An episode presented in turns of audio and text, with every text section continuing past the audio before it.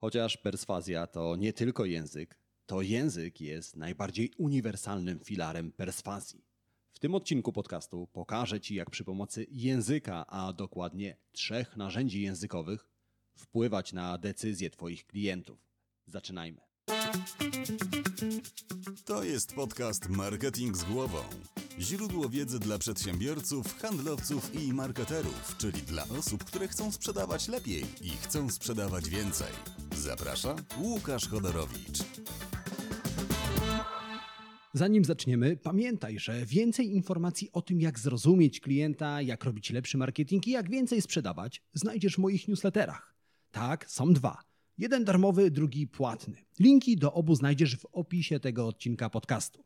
Zerknij, poczytaj i dołącz do tysięcy przedsiębiorców, marketerów i handlowców, którzy co tydzień dostają zastrzyk wiedzy, dzięki której ich firmy rosną jak na drożdżach. Witam Cię w 39. odcinku podcastu Marketing z głową.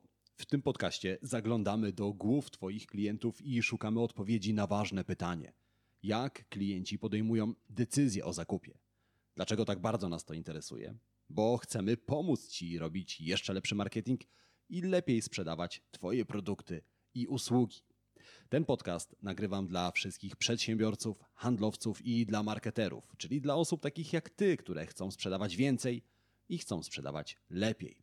A wiedza, którą dzielę się z Tobą, pochodzi z badań na temat psychologii, marketingu i dziesięcioletniego doświadczenia w pracy z firmami takimi jak Twoje. Trzecim filarem perswazji jest język.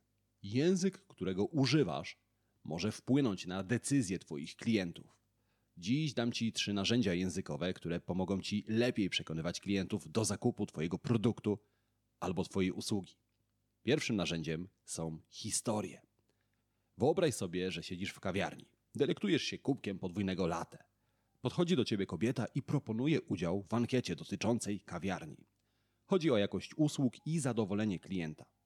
W zamian za odpowiedź na 5 krótkich pytań dostaniesz 50 zł. Szybko przeliczasz wynagrodzenie na kolejną kawę i deser z bitą śmietaną. Wchodzisz w to. Szybko odpowiadasz na proste pytania i kobieta wręcza ci kopertę. Zaglądasz do środka. W kopercie znajduje się twoje 50 zł i coś jeszcze. List. List od organizacji charytatywnej, która zbiera pieniądze dla osób głodujących w Afryce. List oprócz numeru konta fundacji zawiera sporo liczb. To statystyki dotyczące głodujących w Afryce. Dowiadujesz się m.in., że co druga afrykańska rodzina głoduje i o tym, że deszcz w Afryce pada raz na pół roku. Czytasz list, ale jakoś na podstawie liczb nie umiesz wyobrazić sobie skali problemu. Pytanie brzmi: czy i jaką część ze swoich ciężko zarobionych pieniędzy przekażesz organizacji walczącej bądź co bądź w słusznej sprawie? A teraz wyobraź sobie nieco inną sytuację. Nadal jesteś w tej samej kawiarni. Kobieta znowu proponuje ci udział w ankiecie i tym razem dostajesz 50 zł oraz list. Nadal chodzi o głodujących w Afryce, jednak tym razem list nie zawiera statystyk. Zamiast tego opowiada historię Roki, siedmioletniej Afrykanki. Z listu dowiadujesz się, że rodzina Roki jest skrajnie biedna. Dziewczyna głoduje i grozi jej śmierć. Jest jednak nadzieja. Nadzieja w tobie i twojej darowiźnie, która może uchronić Rokę przed śmiercią głodową. I tym razem pytanie brzmi: czy i jaką część pieniędzy przeznaczysz na pomoc dla Roki? Wspomniana historia wydarzyła się naprawdę. W 2007 roku naukowcy przeprowadzili podobny eksperyment. Zadali ludziom pytanie, jaką kwotę są gotowi przeznaczyć dla osób głodujących w Afryce. Przy czym jedna część badanych poznała statystyki dotyczące Afryki i głodu, a druga część badanych poznała historię dziewczynki. Wyniki tego badania i innych podobnych nie pozostawiały złudzeń. Ludzie dawali dwa razy więcej pieniędzy, gdy przeczytali historię, aniżeli gdy przedstawiono im suche fakty i statystyki. Zastanówmy się przez moment, dlaczego tak się dzieje. Neuroekonomista Paul Zak odkrył, że historie uwalniają różne hormony. Zak najpierw odpowiedział ludziom różne historie, smutne, zabawne, inspirujące, przerażające, a następnie pobrał badanym krew. Okazało się, że osoby, które wcześniej usłyszały smutne historie, miały we krwi większe stężenie oksytocyny i kortyzolu. Oksytocyna to hormon, który odpowiada za empatię i budowanie relacji. Natomiast kortyzol to hormon stresu. Okazało się, że historie wpływają na chemię naszego organizmu. Następnie Zak przeprowadził podobny eksperyment z pieniędzmi i z organizacją charytatywną. Osoby, które miały we krwi większe stężenie hormonowego koktajlu oksytocyny i kortyzolu, chętniej przekazywały pieniądze na organizację charytatywną.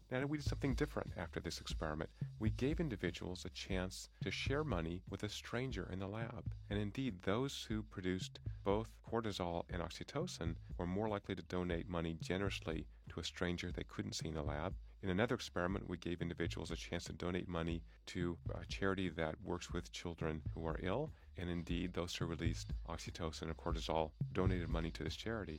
Co ciekawe, historia, którą badani wcześniej usłyszeli, nie miała nic wspólnego ze sprawą, na którą zbierano pieniądze.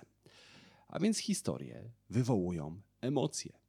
A słowo emocje wywodzi się od łacińskiego słowa emovero, czyli poruszać, zmieniać.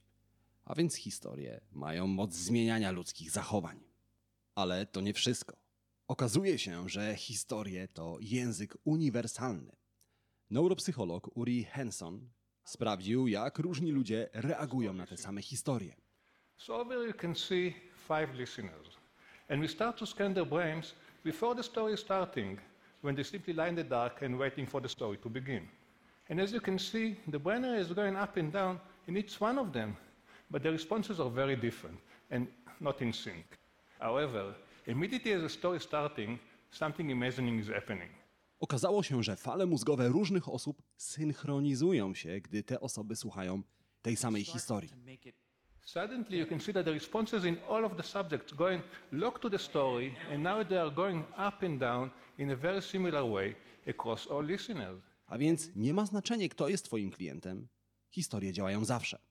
To pewnie z tego powodu 65% wystąpień na konferencji TED Talks to historie. Ale nie tylko wpływ historii na nasz mózg można zmierzyć. Możemy również zmierzyć, jaką wartość mają historie. W pewnym eksperymencie społecznym dziennikarz kupił na eBayu bezwartościowe przedmioty: poduszki, gipsowe figurki, lampy biurkowe. W sumie wydał 129 dolarów na 100 różnych drobnych przedmiotów. Następnie poprosił zawodowych pisarzy o ułożenie historii do tych przedmiotów. I tak paskudna figurka głowy konia stała się symbolem utraconej miłości, a stara poduszka stała się pamiątką po zaginionej córce. Następnie dziennikarz ponownie wystawił przedmioty na eBayu. Tym razem jako opis tych przedmiotów wykorzystał historię. W ciągu kilku dni przedmioty sprzedały się za, uwaga, 3612 dolarów. To oznacza, że historie podniosły wartość tych bezużytecznych przedmiotów o 2800%. Jeśli ty chcesz układać takie historie, które wpływają na twoich klientów, musisz poznać cztery składniki każdej historii. Pierwszy składnik to bohater. Każda historia musi mieć bohatera. Drugi składnik to cel. Każdy bohater musi mieć cel, do którego dąży. Trzecim składnikiem jest problem. Bohater w drodze do celu musi stawić czoła przeciwnościom. I czwartym składnikiem jest rozwiązanie. Historia bohatera, jego drogi do celu kiedyś się kończy. Najczęściej szczęśliwie, ale nie zawsze. Przy czym historia, pomimo tego, że składa się aż z czterech składników, nie zawsze musi być długa. Taką krótką historię na swojej stronie internetową umieścił Naturhaus. Naturhaus to firma, która układa diety dla swoich klientów. A historią, którą posłużył się Naturhaus, była historia jednego z klientów. Brzmiała mniej więcej tak. Byłem naprawdę gruby. Założenie skarpetek to było wyzwanie. Schudłem. Od 15 lat podobała mi się moja fryzjerka. Teraz jesteśmy razem. I ta krótka historia ma bohatera, klienta. Klient ma cel, chce zdobyć serce fryzjerki. Po drodze musi borykać się z problemem, czyli z wagą. Natomiast historia kończy się happy endem, klient chudnie i umawia się ze swoją miłością. O historiach i o strukturach opowieści rozmawialiśmy szerzej w odcinku 23 podcastu Marketing z głową. Dlatego jeżeli chcesz lepiej opowiadać historię, zajrzyj do odcinka 23. Link znajdziesz w opisie odcinka, który właśnie słuchasz. A skoro jesteśmy przy opowieściach, to jest jeden konkretny rodzaj opowieści, który wyjątkowo mocno motywuje do zakupu. Ten rodzaj opowieści to jednocześnie drugie narzędzie, o którym chciałem Ci opowiedzieć. Nazywa się opowieść o stracie. My, ludzie, jesteśmy w naturalny sposób zaprogramowani, aby unikać straty, ryzyka i negatywnych konsekwencji. Gdy usuwasz konto na Facebooku, Facebook próbuje przekonać cię, abyś został. Przy czym nie pisze o korzyściach, które wiążą się z obecnością na Facebooku, ale wspomina o tym, że utracisz kontakt ze znajomymi. A więc, chociaż mogłoby się wydawać, że każdy z nas za czymś podąża, czegoś pragnie, chce coś zyskać, to jednak widmo uniknięcia straty ma na nas większy wpływ. Z tego powodu bardziej przekonasz klienta do zakupu, kiedy uświadomisz mu, że może coś stracić. To właśnie dlatego zdanie oferta kończy się za 7 dni bardziej przekonuje do zakupu, aniżeli zdanie oferta ważna przez 7 dni. Chociaż obydwa zdania oznaczają to samo, to zdanie oferta ważna przez 7 dni sugeruje, że możesz coś zyskać. Natomiast zdanie oferta kończy się za 7 dni sugeruje, że możesz stracić szansę na ofertę, jeśli nie podejmiesz decyzji w ciągu 7 dni. A za unikanie nieprzyjemnych konsekwencji jesteśmy gotowi zapłacić. Weźmy na przykład takie wakacje w Egipcie. Ceny w biurach podróży zmieniają się w zależności od zainteresowania ofertą. Im więcej osób planuje wakacje w Egipcie, tym wakacje w Egipcie stają się droższe. Prawo rynku. Wyższa cena to nieprzyjemne konsekwencje dla portfela. Gdyby tylko można było tego uniknąć. Można. Wystarczy, że kupisz gwarancję niezmienności ceny. Za nieco wyższą opłatę możesz uniknąć straty. Z tego samego powodu linie lotnicze sprzedają droższe bilety z możliwością wyboru miejsc. Możesz kupić tańszy bilet, ale jeśli z kimś podróżujesz, system rezerwacyjny może Was rozdzielić i posadzić w różnych częściach samolotu. Ale uwaga, możesz tego uniknąć. Wystarczy, że kupisz bilet z możliwością wyboru miejsca w samolocie. Ta sama zasada tyczy się biletów z pierwszeństwem wejścia na pokład. Możesz kupić tańszy bilet i stać w kolejce, stracisz przy tym sporo czasu, albo możesz kupić droższy bilet i czasu nie tracić. Zastanów się, co może stracić Twój klient, jeśli nie skorzysta z Twojego produktu lub usługi, a następnie zwróć na to uwagę. Na przykład, jeśli sprzedajesz panele fotowoltaiczne, zamiast mówić klientowi, ile oszczędzi dzięki panelom, opowiadasz, ile traci każdego dnia, każdego miesiąca na rachunkach za prąd. Opowieść o stracie jest blisko spokrewniona z trzecim narzędziem językowym z ramowaniem. Ramowanie to inna forma powiedzenia, że szklanka może być w połowie pełna lub w połowie pusta. Innymi słowy, każdą informację można przedstawić w różny sposób, przy czym zachowanie klienta zależy od sposobu, który wybierzesz. Ludzie chętniej kupują jogurt, który ma 90% tłuszczu mniej, aniżeli jogurt, który ma 10% tłuszczu. Chociaż w obu przypadkach jogurt, a dokładnie zawartość tłuszczu jest taka sama, ludzie wybiorą produkt, którego cechy przedstawione są w korzystnym świetle. Załóżmy, że sprzedajesz krem do twarzy za 200 zł. Chcesz dotrzeć do nowych klientów, dlatego na krem dajesz rabat. 10% albo 20 zł. Na jedno wychodzi, prawda? Otóż nie do końca.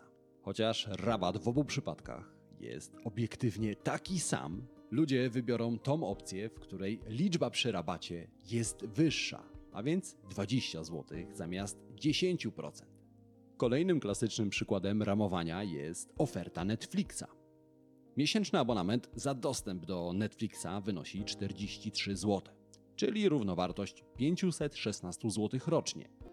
Jednak z jakiegoś powodu kwota 43 zł miesięcznie wydaje się niższa niż ta sama kwota przedstawiona w ujęciu rocznym.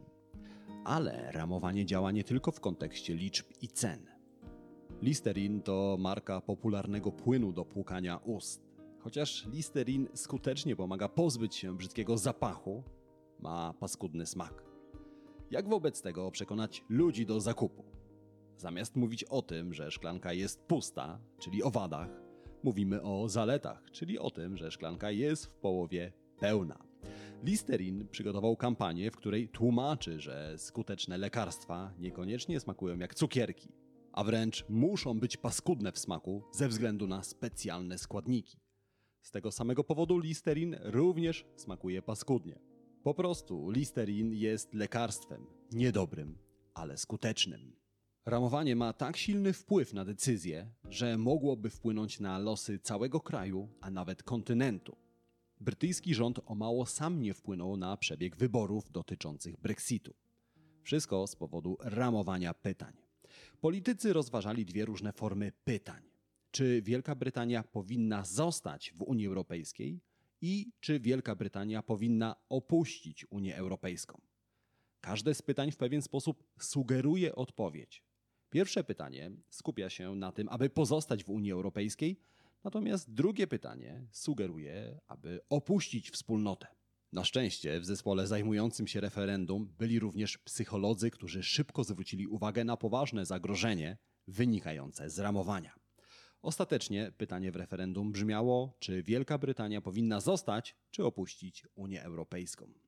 Ty pozostań ze mną jeszcze przez chwilę, bo chociaż dolecieliśmy do końca dzisiejszego odcinka, czas na podsumowanie i trzy najważniejsze rzeczy, które warto zapamiętać. Po pierwsze, pamiętaj o tym, że historie wywołują emocje, a emocje wpływają na decyzje. Po drugie, pamiętaj, że ludzie za wszelką cenę chcą uniknąć przykrych konsekwencji. Zastanów się, jakich konsekwencji pomoże uniknąć Twój produkt lub usługa. I po trzecie, pamiętaj, że szklanka może być w połowie pełna lub pusta. Na decyzję klienta wpływa sposób, w jaki przedstawisz informacje. Na dzisiaj to już wszystko. Dziękuję Ci za Twój czas, dziękuję Ci za Twoją uwagę, dziękuję Ci za to, że słuchasz. Jak zwykle, jeżeli dowiedziałeś lub dowiedziałaś się czegoś nowego, udostępnij ten odcinek podcastu Marketing z głową. Dzielmy się wiedzą. Ty nic nie tracisz, inni mogą zyskać. A jeżeli tak się składa, że słuchasz mnie w Apple Podcast, wystaw recenzję pod podcastem Marketing z głową. Zajmie ci to tylko chwilę, a mi pomoże dotrzeć do osób takich jak ty, do handlowców, do marketerów, do przedsiębiorców. A my tradycyjnie już słyszymy się za kilka dni w kolejnym odcinku podcastu Marketing z głową. Dalej będziemy rozmawiali o filarach perswazji. Przed nami czwarty filar. Tymczasem wszystkiego dobrego, udanego dnia, udanego tygodnia. Do usłyszenia. Cześć.